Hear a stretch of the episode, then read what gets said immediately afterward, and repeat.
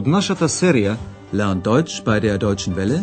Учете германски со Deutsche Welle, чујте ја серијата Deutsch, warum nicht? Германски зошто не?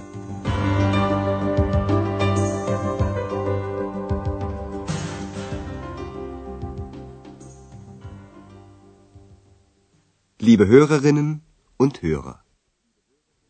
Добар ден, почитувани слушателки и слушатели. Денеска на ред е 14-тата лекција под наслов. Тоа треба да е мощно и интересно. Да soll sehr interessant sein. Господја Шефер во последната лекција беше да купува во една стоковна куќа. Една од продавачките и покажа едно здолниште. Обрнете внимание на членот. Ich suche einen Rock. Hier haben wir einen in gelb. На господја Шефер не и се допадна бојата. Таа праша дали истото здолниште го има во црна боја. Haben Sie den auch in schwarz? А сега семејството Шефер се сретна во еден ресторан, каде што беше пред тоа договорено. Тука сите тројца се договараат како да ја поминат вечерта. Во врска со ова ја гледаат понудата во весникот Ахена Цајтунг. Културната понуда е голема. Во следниот диалог станува збор за театарско дело на германскиот автор Бото Штраус. Насловот на делото е Голем и мал, Groß und Klein. Што мислите? Зашто станува збор во ова дело со овој наслов? Im Stadttheater gibt es ein Stück von Boto Strauß. Groß und klein. Das soll sehr interessant sein. Und was soll das heißen? Groß und klein? Das heißt, wie sind die Menschen? Groß oder klein? Wie die Menschen sind? Groß oder klein? Aber nein, das heißt das nicht. Nein, also wirklich. Das interessiert mich nicht. Groß und klein heißt doch, wie sind die Menschen? Groß oder klein? Was denken Sie? Viel oder wenig? Wie handeln Sie? Gut oder schlecht? Und das soll interessant sein? Also ich, ich finde diese Stimme interessant. Господин Шефер го објаснува значењето на насловот Голем и мал се однесува на карактерот на луѓето, како мислат и како постапуваат.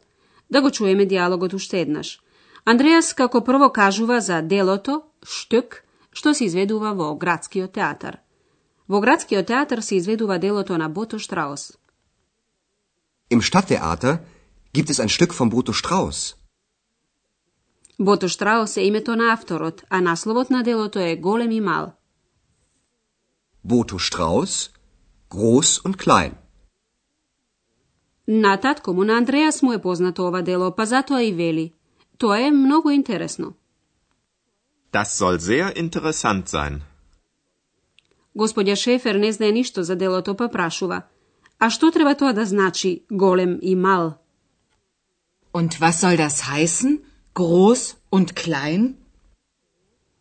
На ова место се меша и екс и кажува дека се тоа одлики на луѓето. Какви се луѓето? Wie sind die Menschen?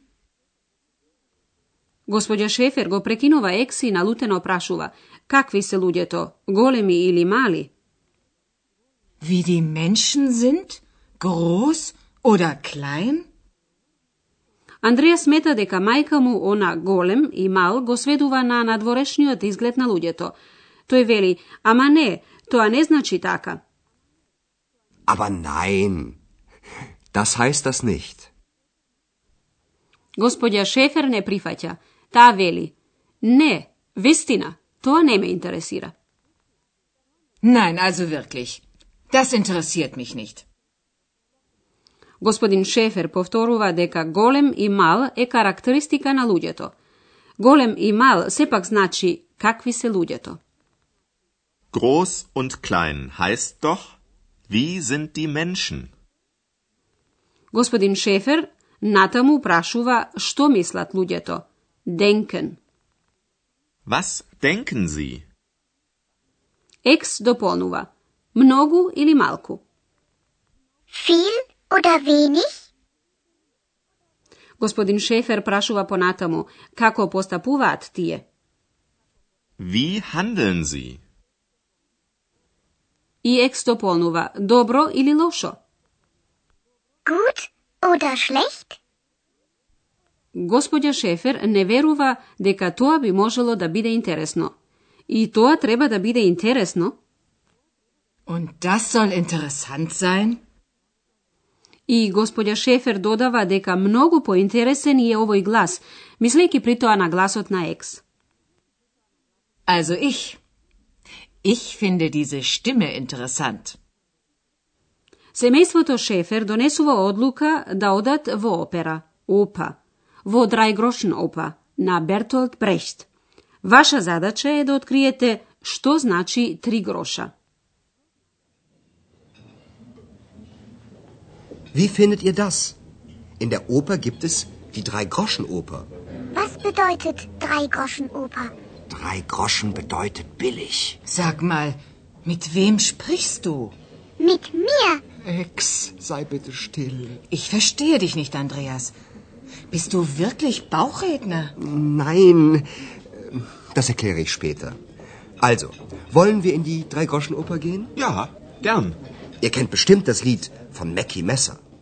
An einem schönen blauen Sonntag liegt ein toter Mann am Strand.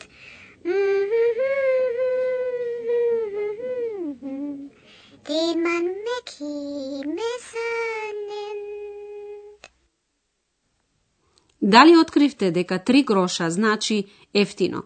Андреас вели, во операта се изведува операта Три гроша. In der Oper gibt es die Drei-Groschen-Oper. Екс прашува за насловот. Што значи опера Три гроша?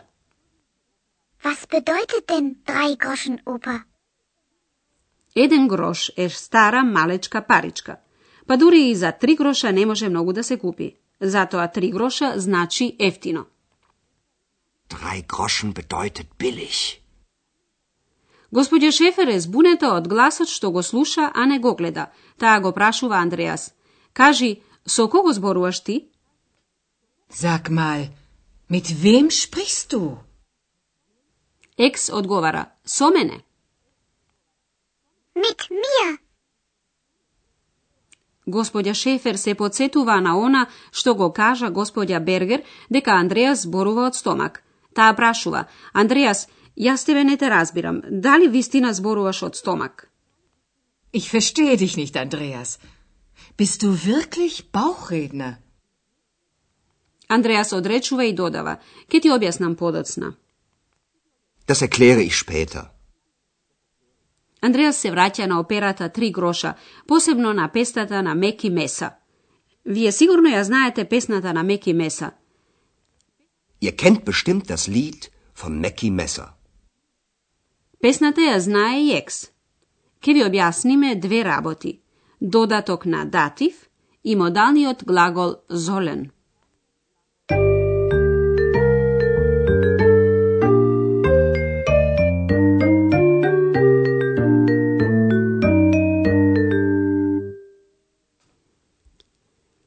Како прво, да објасниме уште едно надополнување на датив. Станува збор за прашалното зборче каде, во. Wo? Wo? In der Oper. Im Theater. Со каде се прашува за некое место. Ако на тоа место нешто се случува, на пример во опера, тогаш се истакнува со предлогот in. Тогаш следуваат двете работи, членот и соодветната именка во датив. Чујте пример во женски род, најпрвин во номинатив. Die Oper. А сега со предлог и датив. In der Oper. In der Oper gibt es die Drei-Groschen-Oper. Именките со членовите der и das имаат нешто особено. Предлогот in и членот dem обично се претопуваат во им. А сега чујте пример во среден род. Das Theater. Im Theater. Im Stadttheater gibt es ein Stück von Boto Strauß. Сега ќе ви кажеме нешто за модалниот глагол золен. Наместо да се каже јас слушнав, можеме да го искористиме модалниот глагол золен. Господин Шефер слушнал дека делото на Бото Штраус е мошне интересно. Das soll sehr interessant sein. Господја Шефер со Золен изразува сомневање во изјавата прашувајки. Und das soll interessant sein?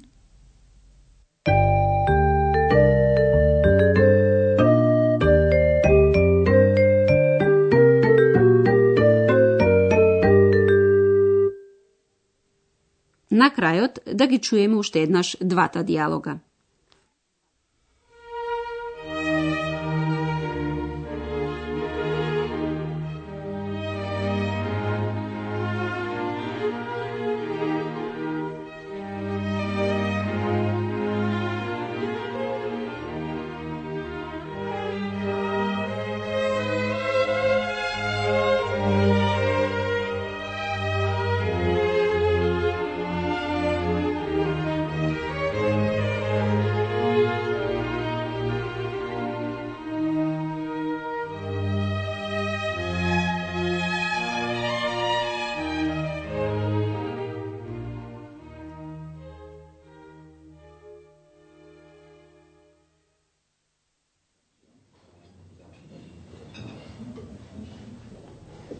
Im Stadttheater gibt es ein Stück von Boto Strauß. Groß und klein. Das soll sehr interessant sein. Und was soll das heißen? Groß und klein? Das heißt, wie sind die Menschen? Groß oder klein? Wie die Menschen sind? Groß oder klein? Aber nein, das heißt das nicht. Nein, also wirklich. Das interessiert mich nicht. Groß und klein heißt doch, wie sind die Menschen? Groß oder klein? Was denken Sie? Viel oder wenig? Wie handeln Sie? Gut oder schlecht? Und das soll interessant sein? Also ich, ich finde diese Stimme interessant. Сите тројца се согласуваат да одат на операта Три гроша на Бертолд Брехт. Wie findet ihr das? In der Oper gibt es die Drei-Groschen-Oper. Was bedeutet Drei-Groschen-Oper?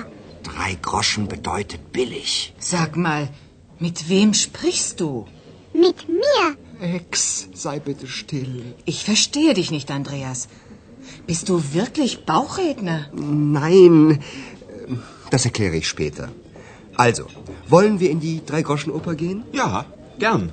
Ihr kennt bestimmt das Lied von Mackie Messer. Blauen Sonntag liegt ein toter Mann am Strand.